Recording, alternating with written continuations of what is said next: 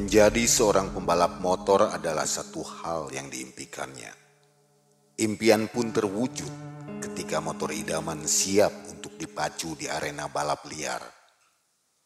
Hari itu pun tiba. Balap liar di bulan Ramadan digelar. Gaspol menuju garis finish. Namun apa yang terjadi? Motor balap itu menghantam pembatas jalan sang joki tewas di tempat. Betapa hancur hati sang mekanik yang merakit motor itu. Hari ke hari, arwah sang pembalap itu menghantui sang mekanik. Dari kota Cirebon, kita akan simak kisah nyata ini langsung dari sang mekanik. Inilah Mas Hendrik. Apa kabar Mas Hendrik? Alhamdulillah Bang Eh sehat. Jadi dulu profesinya seorang montir balap ya. Iya betul Bang Eh. Dan sekarang Masih. masih Masih. masih montir juga. Masih montir. Tapi udah nggak mau nyetel. Tapi udah pensiun dari dunia balap Bang. Trauma ya. Udah trauma, udah ngerasa takut, Oke. lebih takut. Karena Soalnya- sudah jatuh korban. Iya, soalnya sudah jatuh korban, terus juga eh, banyak tekanan dari keluarga saya sendiri, terus juga banyak eh, ya intinya sih keluh kesahnya banyak, Suka dukanya. Suka Lebih dukanya. banyak dukanya. lebih banyak ke duka Bang. Ya. Tepatnya. Nah, di kisah ini Mas Hendrik tentunya mengalami hal-hal di luar nalar ya, Betul. mistis, gaib. Ya, Jadi yang meninggal ini menghantui Mas Hendrik Iya, gitu. dia datang eh, kebetulan yang meninggal itu joki dari rekan saya juga. Dia sahabat saya juga dulu waktu masih SMA, Mang. Oke. Dia tuh. Baik, sobat MM, saatnya kita mendengarkan kisah dari Mas Hendrik tentang pembalap liar. Silakan, Mas Hendrik.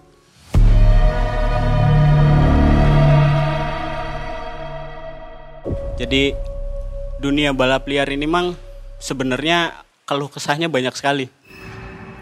Dari mulai eh, sukanya, sukanya yaitu kalau kita udah balap, terus kita menang, satu cuan yang kita dapat lumayan besar. Terus juga kan popularitas kita nama bengkel kita itu menggaung terkenal ke mana-mana. Yang ketiga lebih sering dikagumi sama banyak cewek biasanya mang. Waktu itu setelah saya di bengkel kita tuh semua berlima mang. Kru di bengkel nih semua berlima. Ada eh, namanya saya samarin emang. Kepala mekanik dia namanya Wak Daeng Mang. terus si joki namanya Aceng. Idan Koko sama saya Hendrik. Waktu itu kita tuh iseng-iseng mang sebenarnya. Iseng-iseng. Ini gagasan dulu sih gagasannya si Aceng. Hendrik saya punya saran nih saya kan ada motor dikasih sama orang tua saya. Gimana kalau kita bikin mainan aja? Maksudnya bikin mainan? Ya buat iseng-iseng aja, kita cun aja. Waktu itu dikasihnya sama si Aceng itu pakainya masih Mio, Mang.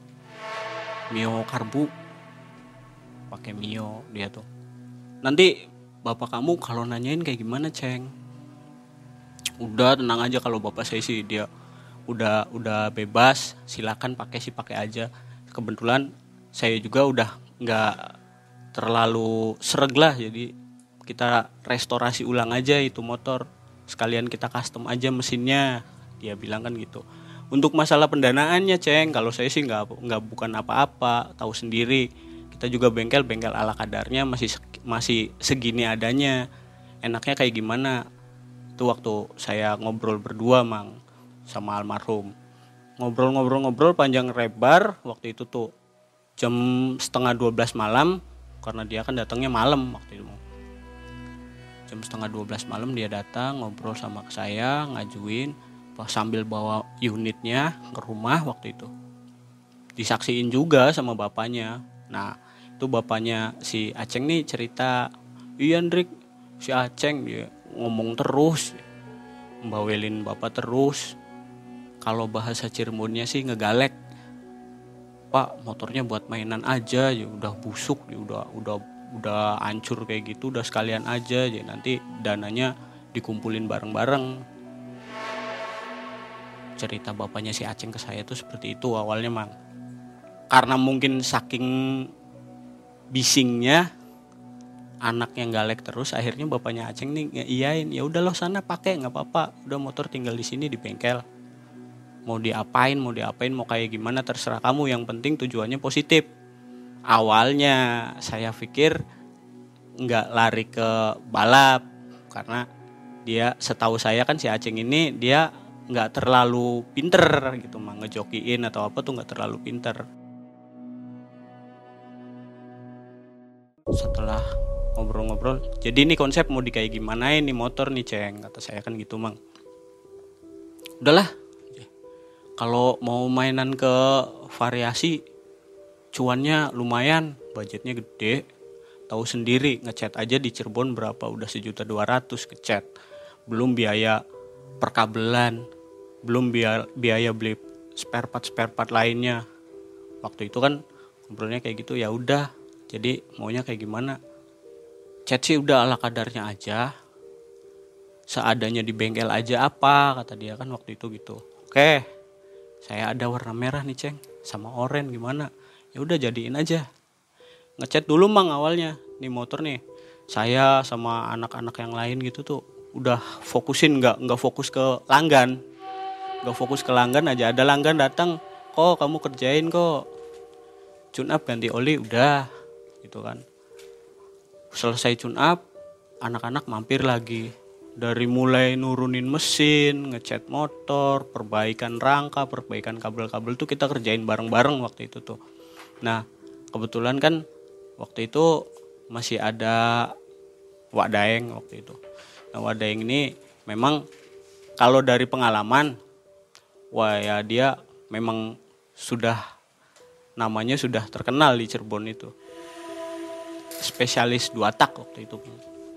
Cuma dia juga bisa uh, otak-atik, otak-atik restorasi apa segala macam empat tak. Apalagi metik dia bisa gitu kan. Singkat cerita ketemu sama Wadaeng waktu itu tuh pagi. Wah, ini motornya Aceng, wah. Bahasa Cirebonnya sih, ira je motor pengen diapanang gini, motor kayak mengkenen je. Tadi kan gitu ya, maklum orangnya lebih lebih cenderung ke ini mang ke daerah.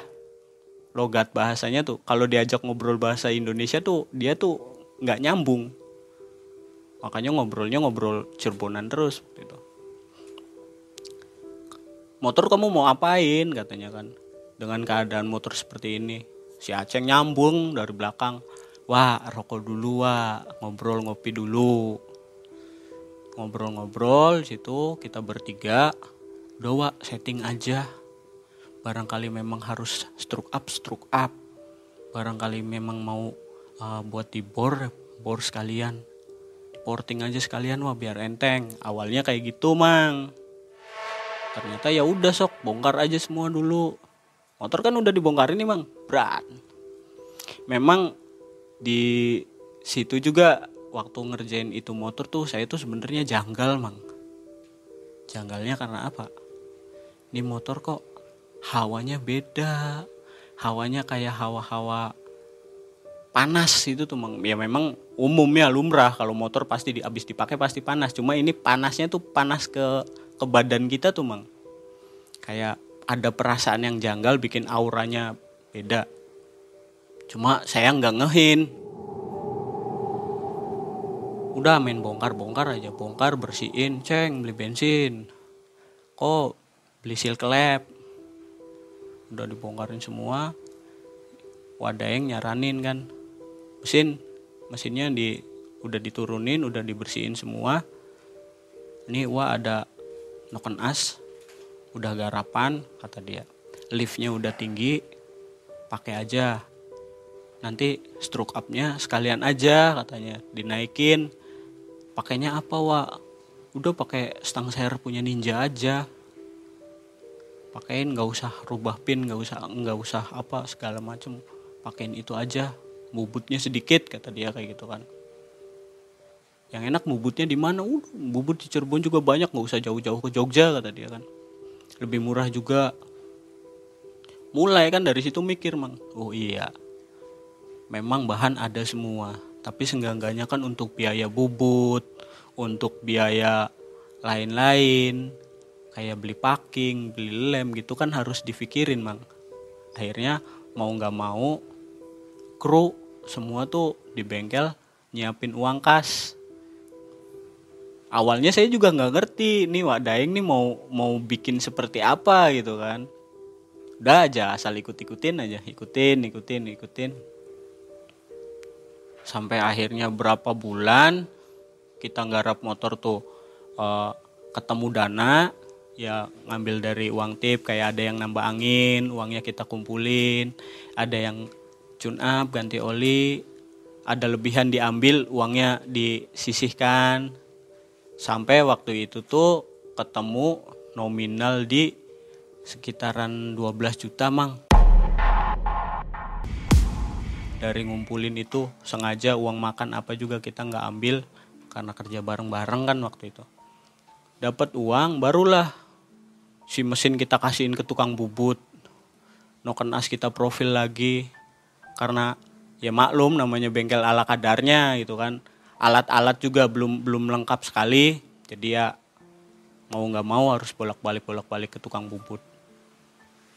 Selesai dari tukang bubut tuh sekitaran tiga minggu nunggu di tukang bubut karena memang pengerjaannya lama untuk kerjain semua mesinnya itu. Sampai di eh, tukang bubut ada telepon kan dari tukang bubut udah selesai ambil aja barangnya. Ambil mang kita rakit. Rakit waktu itu ya namanya juga bengkelnya disambi dengan bengkel pelanggan mang ya? Nggak difokuskan dengan mesin itu aja. Pikir kita udahlah itu mah buat hobi sampingan nanti waktu senggang kita kerjain ditinggal lagi ditinggal lagi. Motor jadi empat bulan mang setelah diambil di tukang bubut tuh.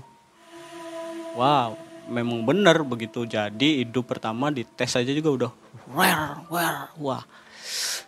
Istilah kata kalau anak zaman sekarang sih dipakai herekan juga udah hayu lah. Kalau dulu kan bahasanya liaran. Liaran tuh paling cuma sekitar satu kilo udah. Kalau herekan kan itu panturaan pakai buat jauh juga kuat gitu kan. Wah gimana? Udahlah enak ya cukup segini sih. Coba aja jajal. Waktu jajal mang. Mobil udah siap motor kita naikin kita jajal waktu itu di Arjawinangun. Sengaja kita settingnya di sana karena di sini kan waktu itu masih banyak razia polisi. Jadi kita kan nggak berani mang. Larinya ke sana ke yang arah masih sepi. Kita setting di sana perasaan kok lagi-lagi datang nih kayak gimana ya nyeting tuh? Kayak suka nggak suka gitu. Auranya kok beda ya kata saya itu nggak ngomong saya sama yang lain tuh nggak ngomong. Cuma saya ngomong sama si acengnya aja ceng kamu awas ceng hati-hati nyoba-nyoba tuh dipastiin dulu dari rem apa segala macam kabel gas. Soalnya setahu saya kabel gas sering nyangkut. Karena posisinya Mio kan karburator itu ngadepnya ke belakang mang. Ke, ke hadang sama roda. Jadi biasanya kalau roda muter putaran roda kenceng ini si debu masuk akhirnya nyangkut di skep. Biasanya kayak gitu. Awas ceng hati-hati. Oke lah. Dia coba mang motor udah hidup kita pastiin kosong dulu jalan udah nggak ada kendaraan maksudnya bukan nggak bukan kosong kendaraan memang yang lain masih jauh baru tes. Itu bawa lari motor ngangkat depannya red ceklu shockbreaker depan pertama patah. Blak. untungnya si anak masih selamat waktu itu mang dia masih selamat masih bisa berdiri motor ditinggal dia jalan. Wah motor shock breaker depannya patah. Kok bisa kata saya. Terlalu enteng depannya. Kurang beban. Kamu nggak apa-apa ceng? Enggak nggak apa-apa udah. Udah pulang aja pulang pulang. Akhirnya pulang kan. Ternyata di situ tuh waktu kejadian nyeting terus si motor jatuh tuh memang kata orang-orang situ banyak kejadian ganjil awalnya dari mulai kecelakaan orangnya mati di situ. Terus eh, ada anak bayi yang katanya nyebrang jalan ketabrak. Waktu itu mang. Jadi arwahnya masih mungkin masih gentayangan atau apa masih sering menghantui warga-warga sekitar pinggir jalan situ juga. Kata orang situnya kayak gitu. Lagian ya berani-beranian nyetel-nyetel motor nyeting-nyeting motor malam-malam kayak gini tempatnya tempat kayak gini. Kamu nggak tahu sih kata tukang kopi yang waktu itu kita nongkrong mang. Kamu nggak tahu sih di sini tuh juga kejadiannya banyak. Kesebutnya di sini tuh daerah angker ya jalan angker rawan kecelakaan. Nanti kalau ini baru sok beker patah ya. Kalau kepala kamu yang patah kayak gimana? Wah udahlah kata saya itu. Jangan ladenin udah pulang aja pulang akhirnya pulang mang. Pulang gitu tuh. Besok ke bengkel lagi pagi. Mulai diskusi lagi gimana? Kamu ceng?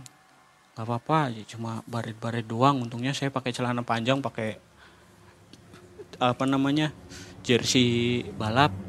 Bukan bukan bukan wearpack tapi jersey. Lumayan kan jersinya juga bagus jadi kalau jatuh kena gesekan tuh nggak sobek tulang-tulang ada yang patah nggak? Nggak ada.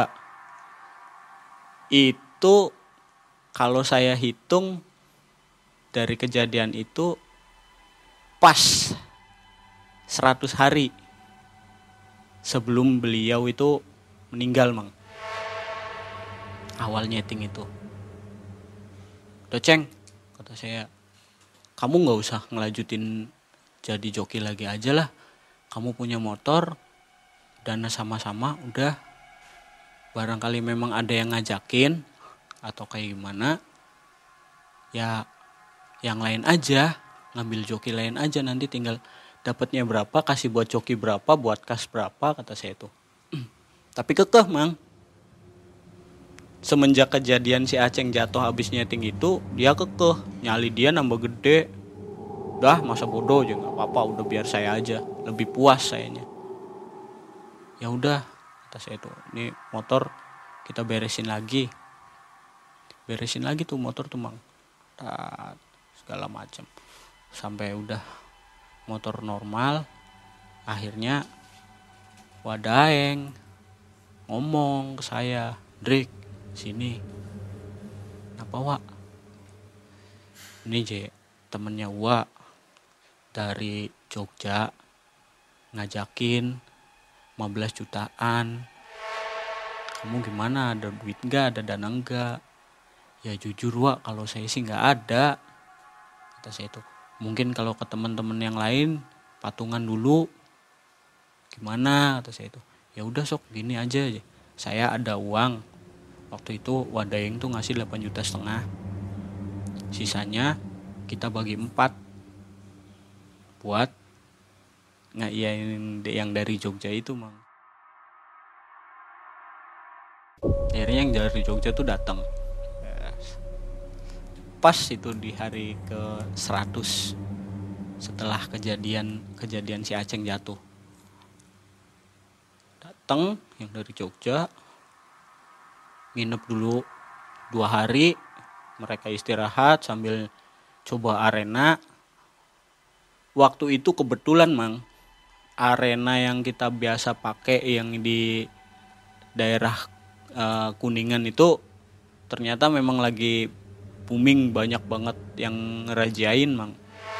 Jadi akhirnya mau nggak mau lah udah kita ambil jalur bebas aja. Yang tadinya awalnya cuma satu kiloan kita jadi naikin tiga kali muter waktu itu. Tiga kali muter dari ujung bebas. Pokoknya dari ujung ke ujung aja kita muter tiga kali waktu itu mang. Oke coba pertama. Great. kita menang seleb tapi belum kehitung res itu kan. Yang kedua kali kita tukeran motor. Biar sama-sama tahu speknya katanya kan. Oke. Kita coba. Kalau ngerasanya kita ngeper jiper nggak jadi gitu kan. Masih mending kita bayar uang ganti bensolnya dia bukan bensol waktu itu afgas. Kita ganti uang afgasnya dia aja. Pikir kita kan gitu tadinya mang. Bareng-bareng kesepakatan bareng-bareng akhirnya deal. Jadi udah saling coba motor masing-masing barulah buka res. Setengah tiga itu baru mulai res. Subuh berarti, dini hari. dini hari. Kebetulan waktu itu juga masih puasa mang. Sebelum sahur yang lain sih obrok-obrok bangunin sahur kita bangunin sahurnya pakai gas-gasan motor waktu itu mang. Masih ingat saya waktu itu orang dari Jogja itu dia datang ke sini ke Cirebon bawa Honda Tiger. Pakai Honda Tiger waktu itu. Cuma speknya saya nggak tahu berapa karena yang nyobakan waktu itu si Aceng. Sedangkan kita cuma pakai modal Mio itu juga cuma naik stroke berapa waktu itu. Nggak nggak banyak banget nggak banyak perubahan. Kebetulan mang waktu itu eh, yang dari Jogja ini juga rekanan dari bengkel resmi dia tuh dari Cibinong Cibinong Jakarta. Khususnya dia tuh Newport spare part racing. Kalau kita kan nggak mainan spare part racing kita lebih ke handmade bikin sendiri waktu itu mang. Setelah coba buka res kejadian nggak enak tuh datang mang. Udah ketar ketir saya tuh udah ini janganlah janganlah. Rokok saya udah ngabisin rokok berapa batang waktu itu. Sebelum buka res tuh saya ngomong dulu sama Aceng Ceng kamu yang ingat istighfar kata saya tuh. Barangkali memang udah over limit udah aja nggak usah lanjut. Yang saya sanksi bukan apa-apa mang di helm saya udah bilang sama dia waktu itu pakai helm full face ceng. Pakai helm full face ceng. Biar aman angin nggak ke mata. Jangan pakai yang half face. Kalau half face cenderung lebih terbang nantinya kata saya itu. Saya nyamannya yang ini. Gimana ya? Ya udah kalau pikir kamu nyaman sih. Cuma saya lihat nih tali helm kamu nih udah nggak aman kata saya tuh. Gampang lepas udah wah tenang aja percaya aja sama saya. Oke. Kalau kayak gitu yang jelas Bismillah dulu. Kita doa dulu lah minta selamat. Sampai selesai saya sih udah sekarang sih nggak mikirin menang nggak mikirin kalah. Yang penting judulnya kamu selamat karena ini laga perdana kamu kata saya itu. Jam 2.30 tuh baru buka res. Tunggu lampu hijau. RPM udah tinggi. Kisaran RPM waktu itu tuh kalau pakai takometer sih antara 6000 sampai 7000 RPM waktu itu tuh baru buka gas. RPM udah tinggi baru buka gas. Buka gas start bareng. Saya lihat Penonton banyak gitu. karena waktu itu subuh banyak-banyaknya orang-orang yang pada bangunin sahur mang. Dan rekan-rekan kita yang di bengkel kayak Langgan dan teman-teman paling yang nonton kayak gitu aja nggak nggak sampai brak datang semua gitu nggak. Paling ya kalau dihitung sih antara 100 sampai 200 orangan lah yang nonton tuh. Begitu buka start jalan pret. udah nebak saya tuh nih motor si Aceng nih si Mio saya Mio kita nih kalau udah RPM tinggi pasti ngangkat. Udah depan nggak mau anteng pikir saya. Karena waktu itu udah dicoba depan tambah beban berat malah nggak mau.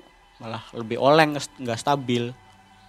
Karena kontur frame yang kita pakai juga waktu itu masih basic standar bukan basic buat eh, herekan. Dari rangka terusnya velg shockbreaker kita masih ngandelin standaran tapi karena memang keyakinan si Aceng udah berani ya kita lepas nggak apa-apa. Wadaeng juga udah ngomong udah ngewanti-wanti. Awas kalau ngerasanya udah over limit nggak usah dilanjut. Tapi mungkin si Aceng kekeh saya dari jauh tuh udah lihat mang. Posisi tuh ngangkat gini motor tuh diangkat tuh. Kalau yang si Honda Tiger itu dia udah rata udah enak udah udah ya beda seban lah. Tapi begitu datang jalan lurus enak lagi mungkin ketemu RPM si Mio narik ngangkat. Dia mungkin oleng di ban atau kayak gimana atau nggak nyaman di helm. Kalau saya lihat sih dia nggak nyaman di helm karena kalau dibawa lari kan dia narik nyeblak mang. Nyangkut nyangkut mungkin dia risih di helm. Akhirnya dia ngambil lebih ke kanan mang. Lebih deket ke trotoar. Si Tiger juga lebih dekat tapi mungkin Tiger udah ngerem dulu sedikit ngerem jadi agak jauh. Dia labas. Dia labas si helm kebuka blak. Mungkin kaget oleng. Akhirnya si Aceng ini nabrak ke trotoar. Duah. dari arah depan pick up mang. Duah. wah udah tim dari langsung nyusulin kan. Takutnya kayak gimana kayak gimana. Mending kalau motornya aja pikir saya sih udah saya udah lemes aja di situ. Ah ya udah nasib. Moga-moga nggak kenapa-napa moga-moga masih selamat pikir saya itu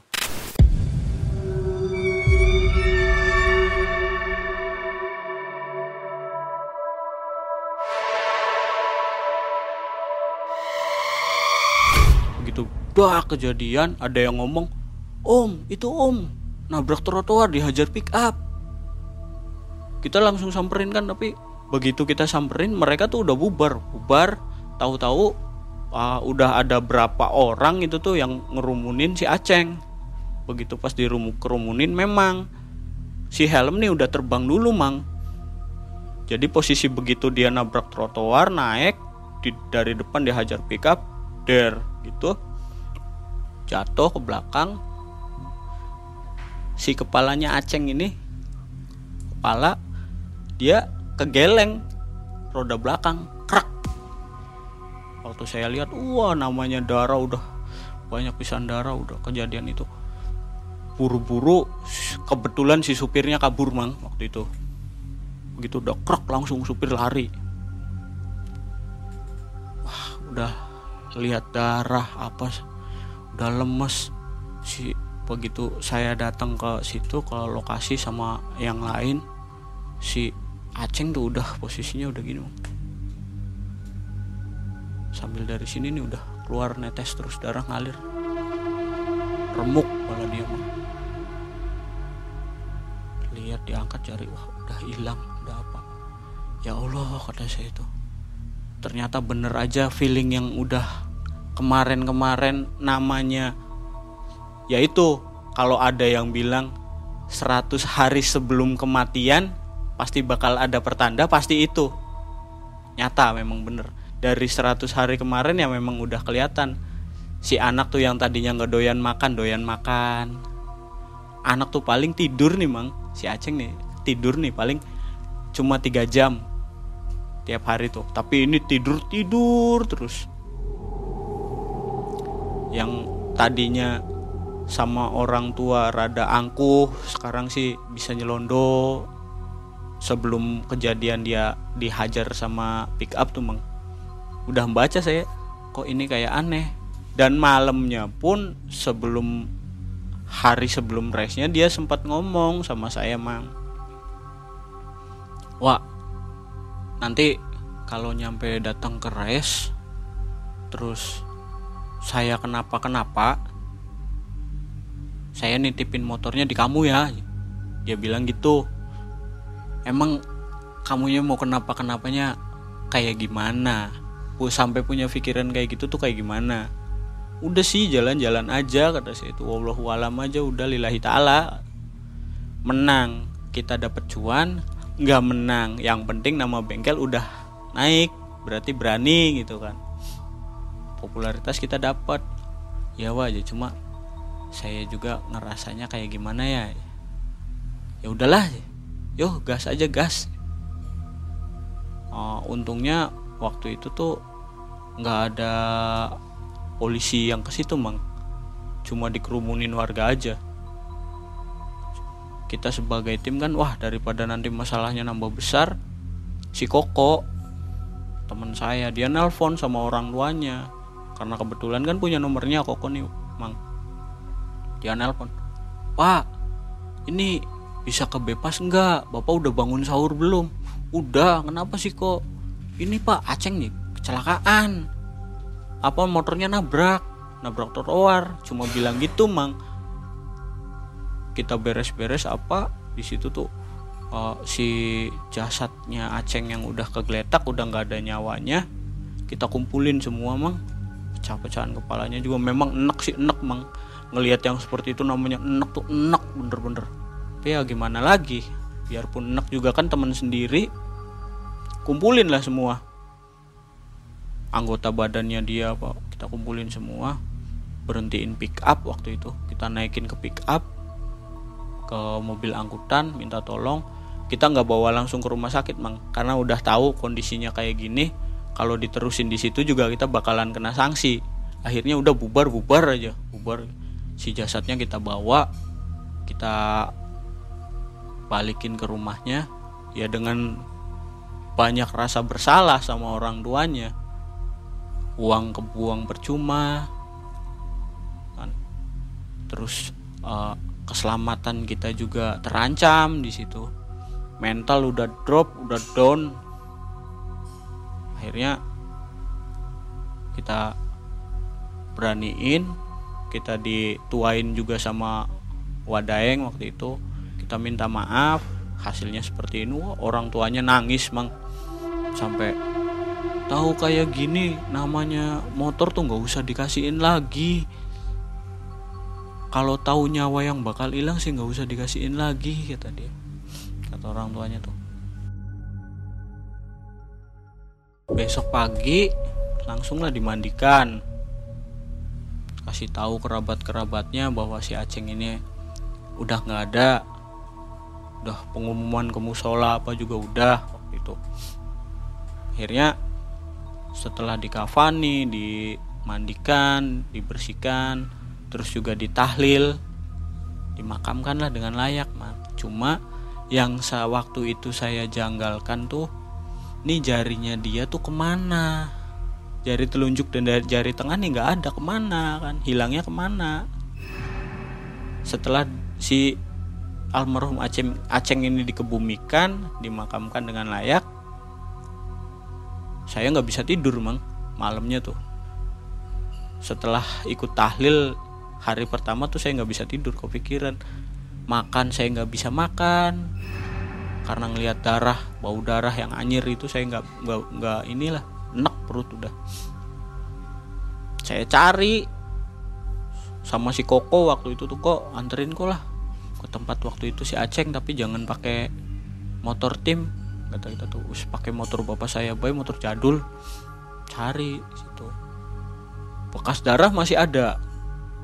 Bekas serpihan-serpihan apa masih ada serpihan-serpihan cover-cover body motor yang pecah apa itu masih ada di situ. Tapi saya muter itu nggak ketemu jari nih mah nggak ketemu. Udahlah nggak usah dipikirin. Saya ingat amanahnya si Aceng. Kalau saya kenapa-kenapa motor dibawa kamu aja. Akhirnya saya balik ke rumah Aceng. Malam itu tuh Pak. Aceng tuh pernah ngomong sama saya sebelum sebelum kejadian tuh dia ngomong kalau saya kenapa-kenapa motornya dibawa aja sama kamu. Gimana Pak? Kira-kira boleh nggak? Ya gimana ya? Andrik aja. Bapak juga sebenarnya aja kalau udah kayak gini sih aja ngerasanya sedih. Sedihnya bener-bener sedih. Udah aja lah aja sok bawa aja sama kamu sana. Daripada nanti bapak keinget terus akhirnya si motor terusnya jersey balapnya dia helm sepatu balapnya dia dibawain semua ke saya mang. Kasihin semua sama orang tuanya tuh. Motor ringsek saya taro. Taro aja udah di rumah. Bibi saya itu nanya mang. Bibi saya nanya Dri kalau ini motor si Aceng? Iya bi. Kamu sih bawa-bawa motor kayak gini ke rumah nanti kalau ada apa-apa di rumah kayak gimana apa-apa kayak gimana sih bi? Saya sampai bertengkar waktu itu gara-gara bibi saya nggak boleh naruh motor di rumah tuh mang.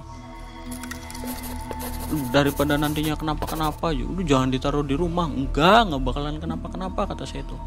Awas aja aja kalau malam ya motornya nyala sendiri kamu tak tinggal ya nggak ada yang nggak bakalan tak masakin. Bibi saya ngomongnya kayak gitu sambil ya mungkin sambil bergurau atau apa emang nggak ngerti saya juga selang dua hari kan motor saya simpen di depan teras tuh mang. Saya tutupin pakai terpal. Tadinya ada rencana kalau ada rezeki mau saya beresin saya standarin lagi terus mau saya simpen aja gitu. Udah nggak usah diapa-apain buat kenang-kenangan nggak usah dipakai. Yang penting judulnya body utuh.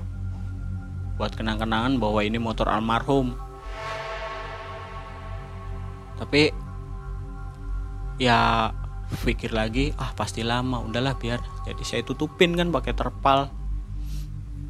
Di hari kedua tuh saya ngerasa kok ada yang aneh ya kayak bau-bau apa gitu kayak bau bangkai di mana gitu mau di hari kedua tuh ah udahlah pikir bangkai tikus. Gak tak cari nggak apa biarin aja udah capek udah mungkin udah perut saya juga udah kena enaknya dulu ngelihat darah mang waktu itu akhirnya nyampe di hari ketiga. Pas di hari ketiga saya baru bisa tidur sebenarnya itu mang. Tahlil jam 7 waktu itu tuh sebelum teraweh. Habis buka puasa sebelum teraweh tahlil. Saya baru bisa bisa tidur itu jam 9 mang. Karena udah saking capeknya. Jam 9 baru liap tidur sebentar kisaran dua jaman lah. Perasaan kok saya kayak didatengin Aceng. Dimimpiin si Aceng saya tuh mang. Dia bilangnya gini Drik saya minta maaf kalau saya punya salah. Saya mau minta tolong sama kamu. Baru sebatas si Aceng ini ngomong kayak gitu saya udah bangun mang. Astagfirullahaladzim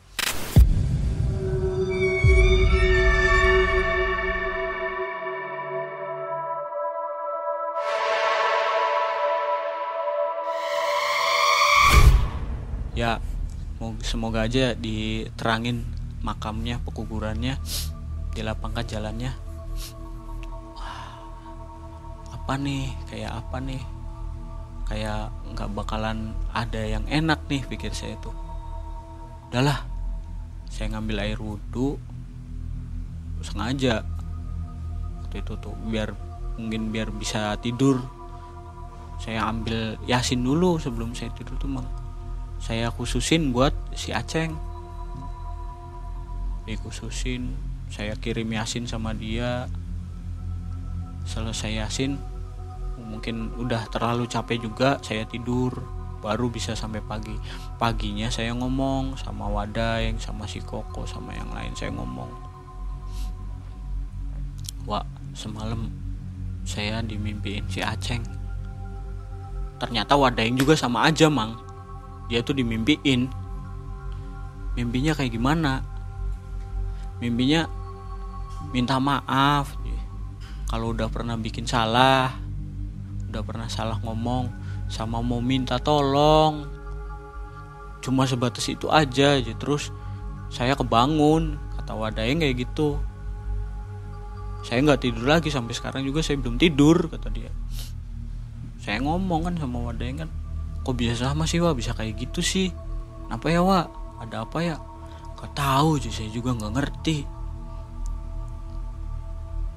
Akhirnya udah ngobrol-ngobrol-ngobrol. Udahlah dianggap mungkin itu sih bunga tidur aja mungkin perpisahan. Malamnya saya pulang ke rumah dari bengkel tuh saya pulang ke rumah. Habis mandi habis makan apa saya nongkrong di teras di depan motor yang diterpalin mang memang bau bangkai itu udah hilang. Saya ngerokok di situ tuh sambil minum kopi. Biasanya kalau malam kayak gini nih si Aceng nih suka datang pikir dulu tuh suka ngajakin ngobrol membahas soal otomotif membahas masalah motor-motor baru yang mau keluar. Sekarang udah nggak ada sisanya tinggal kenangannya kenangan motor doang. Baru saya tuh ngebayang kayak gitu mang ini motor yang di teras yang di depan ditutupin terpal nih hidup. Brong, dong dong dong dong dong dong dong. Tapi baunya bau bangkai emang itu sampai bapak saya juga keluar. Eh kamu malam-malam nyalain motor knalpotnya berisik kayak gitu matiin. Enggak pak. Enggak nyalain motor jadi orang hidup sendiri beneran.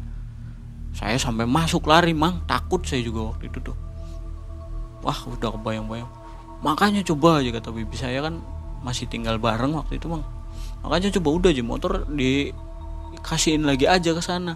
Bi bukan apa-apa amanatnya almarhum nih kayak gini motornya nih disimpan di sini suruh dirawat dijaga di sini. Ya mau dirawat ya dirawat sana mandiin kembang tak apa juga tapi bisa ya kayak gitu. Akhirnya setelah tahlil tujuh hari selesai itu saya punya inisiatif mang. Ah terpalnya dibuka. Ah mau tak cuci nih motor nih mau dibersihin bekas darah apanya. Kalau ada rezeki sedikit-sedikit saya beresin. Cuci semua motor. Baru di situ nemu janggalnya tuh di situ. Ternyata bau hanyir ini dari bekas tangan jari yang potong. Jari yang potong itu nyelap di handle rem sebelah kanan masuk ke dalam batok batok lampu. Astagfirullahaladzim berarti yang saya cari itu adanya di motor sendiri. Adanya sih di motor masuk ke dalam. Setelah cuci saya amanin itu saya taruh di kain saya bungkus saya nggak ngomong dulu ke bapaknya mang. Saya nggak ngomong ke bapaknya aceng dulu. Takutnya saya ngomong ke bapaknya aceng. Bapaknya aceng disangkanya saya mengada-ngada. Takutnya dikiranya si aceng tuh berbuat yang enggak enggak makanya gentayangan gitu kan. Enggak saya nggak ngomong. Saya cuma ke situ ke rumahnya bapaknya aceng. Cuma nanyain kabar aja gimana pak sehat alhamdulillah sehat. Udah pak kata saya yang ikhlas yang ridho. Memang mungkin jalannya kayak gini. Saya mau minta maaf kata saya tuh. Karena saya juga jadinya si Aceng pulang. Dipanggil sama yang di atas. Mungkin yang di atas lebih sayang pak sama dia. Iya nggak apa-apa aja bapak juga udah ikhlas ridho aja cuma yang bapak heran tuh aja nih setiap malam tuh selalu ada jadi di depan kamarnya dia tuh. Dia pakai baju koko putih pakai celana putih. Pak minta disempurnain pak. Mau pulang pak. Dia bilangnya gitu mang. Si acengnya tuh sama bapaknya tuh. Bapaknya cerita ke saya. Sering banget Rick bapak tuh kayak gitu. Ada apa sih? Kenapa? Dengan bukanya bapaknya aceng kayak gitu kan akhirnya saya naik nih mang. Pak nih saya nemuin jari di motornya Aceng. Saya nemuin jari tapi udah tulang kata saya itu. Gimana pak? Ini ya waktu itu cari ke tempat katanya nggak ketemu nggak dapet ya? Iya kata saya itu.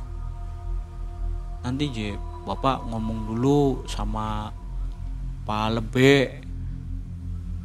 Lebih mati katanya biasanya lebih mati tuh lebih tahu aja kayak gini. Akhirnya diantar lah. Bapaknya Aceng tuh sama saya tuh diantar mang diantar ke rumahnya Pak Lebe itu ngomong kan Pak nih saya nemu ini. Tulang mungkin tulangnya beliau atau saya tuh tulangnya almarhum. Ya udah kalau kayak gitu dibungkus kain putih besok ke makamnya. Terus dikirim arwah baca yasin sambil baca yasin itu nanti dimasukin aja digali sedikit dimasukin ke, ke makamnya. Mumpung makamnya belum direnovasi belum dijahul kata Pak Lebe. Tapi minta dibimbing ya Pak. Karena saya nggak paham. Ya nanti dibimbing. Akhirnya saya Pak Lebe sama bapaknya si Aceng ini paginya tuh langsung mang ke makam. Dibimbing dulu sama Pak Lebe baca doa palebenya kayak gimana. Baru saya yang gali potongan tangan saya masukin. Tutup lagi udah dirapihin lagi kita udah selesai baca yasin pulang. Sengaja memang waktu itu saya nggak berangkat ke bengkel mang. Pas malam lebarannya biasanya kalau malam lebaran tuh saya tuh nggak suka tidur mang. Tapi ini saya tidur.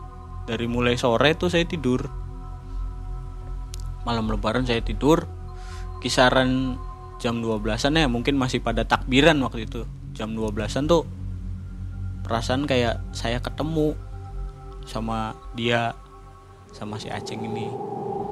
Ketemu sama Aceng Aceng bilangnya gini Wah makasih. Udah nyempurnain saya. Saya pamit. Saya mau pulang kalau bisa sih sering main ya ke rumah nengokin bapak saya katanya. Karena memang kalau saya main ke rumah saya si Aceng ya bapaknya pasti tak ajak ngobrol sama saya emang biar nggak jenuh gitu kan. Saya nggak bisa jawab mau jawab juga kayak gimana? Orang seolah-olah kayak mimpi. Tapi kalau dibilang mimpi jelas banget mang. Jelas banget. Pakainya ya itu kayak tadi baju koko putih celana putih muka juga udah lebih cerah nggak nggak nggak nggak kusem gitu. Cuma ya memang kalau layaknya mayit aja lah itu mang. Pas malam tuh baru bangun saya. Astagfirullahaladzim. Ya Allah. Ini anak kok nasibnya tragis kayak gini. Tahu kayak gitu dulu nggak usah diiyain kemauannya dia tuh. Nggak usah diturutin. Kalau taunya diturutin kayak gini kan malah yang ada saya jadinya beban ke keluarganya. Pagi lebaran ya biasa selesai sholat id. Kalau ada tradisinya kita kan di sini kan selesai sholat id. Uh, sungkaman dulu sama orang tua ketemu sama saudara-saudara baru kita ke makam buat ziarah. Nah waktu itu saya sempetin mang. Ziarah juga ke si makamnya si Aceng ya udah kelihatan sih. Si batu bukan nisan papan nisannya memang udah keropok waktu itu kan. Udah amblas juga.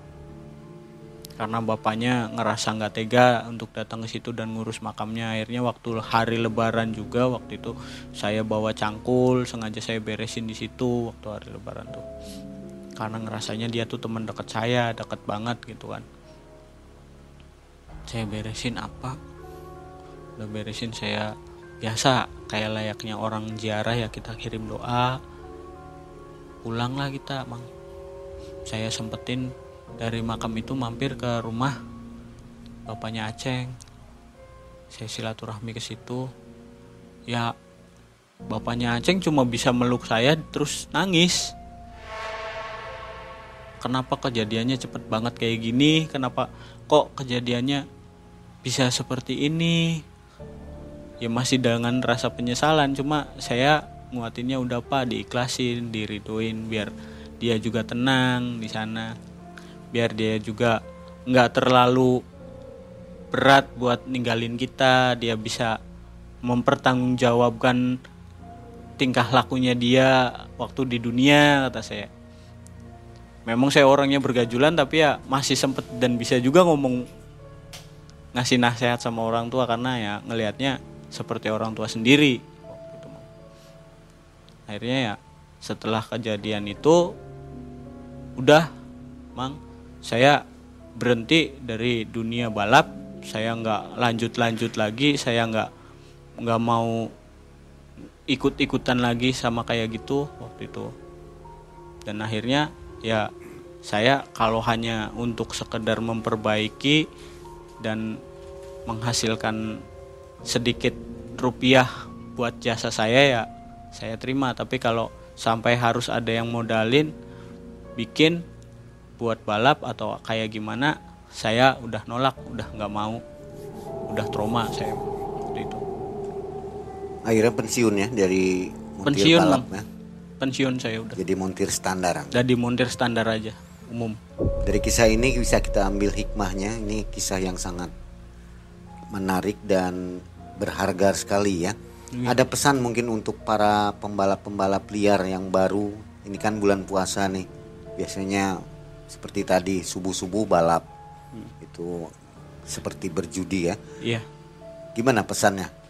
Kalau pesan dari saya buat semua yang masih pada suka balap, pikir dua kali aja. Nyawa daruhannya bukan apa-apa. Yang namanya adrenalin ya adrenalin. Cuma kalau udah menyinggungnya nyawa, lebih baik jangan.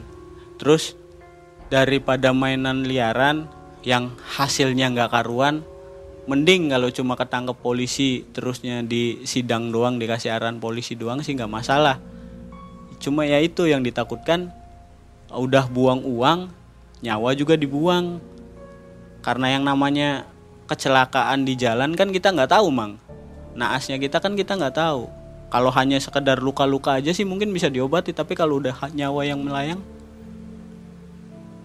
udah masih mending jangan kalau mau balap ada arenanya sendiri ada regulasinya sendiri ada peraturannya sendiri dan ada ikatannya sendiri masih mending ikut ke jalur yang resmi kalau kata saya gitu aja mang sayangi nyawanya Ya.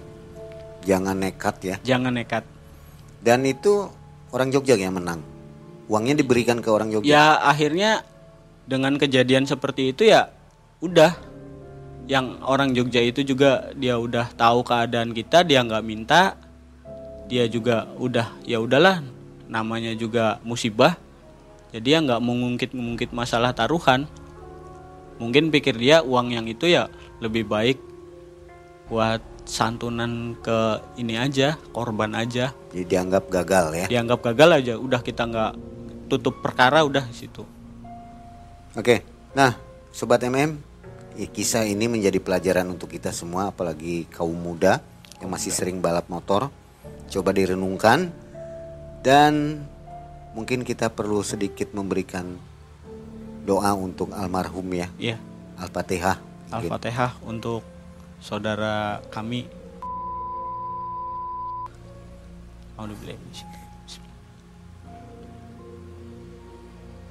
Ihdinas. Amin. Sampai di sini MM, Mang Ai dan tim undur diri. Sampai jumpa di video selanjutnya. Assalamualaikum warahmatullahi wabarakatuh. Waalaikumsalam warahmatullahi wabarakatuh.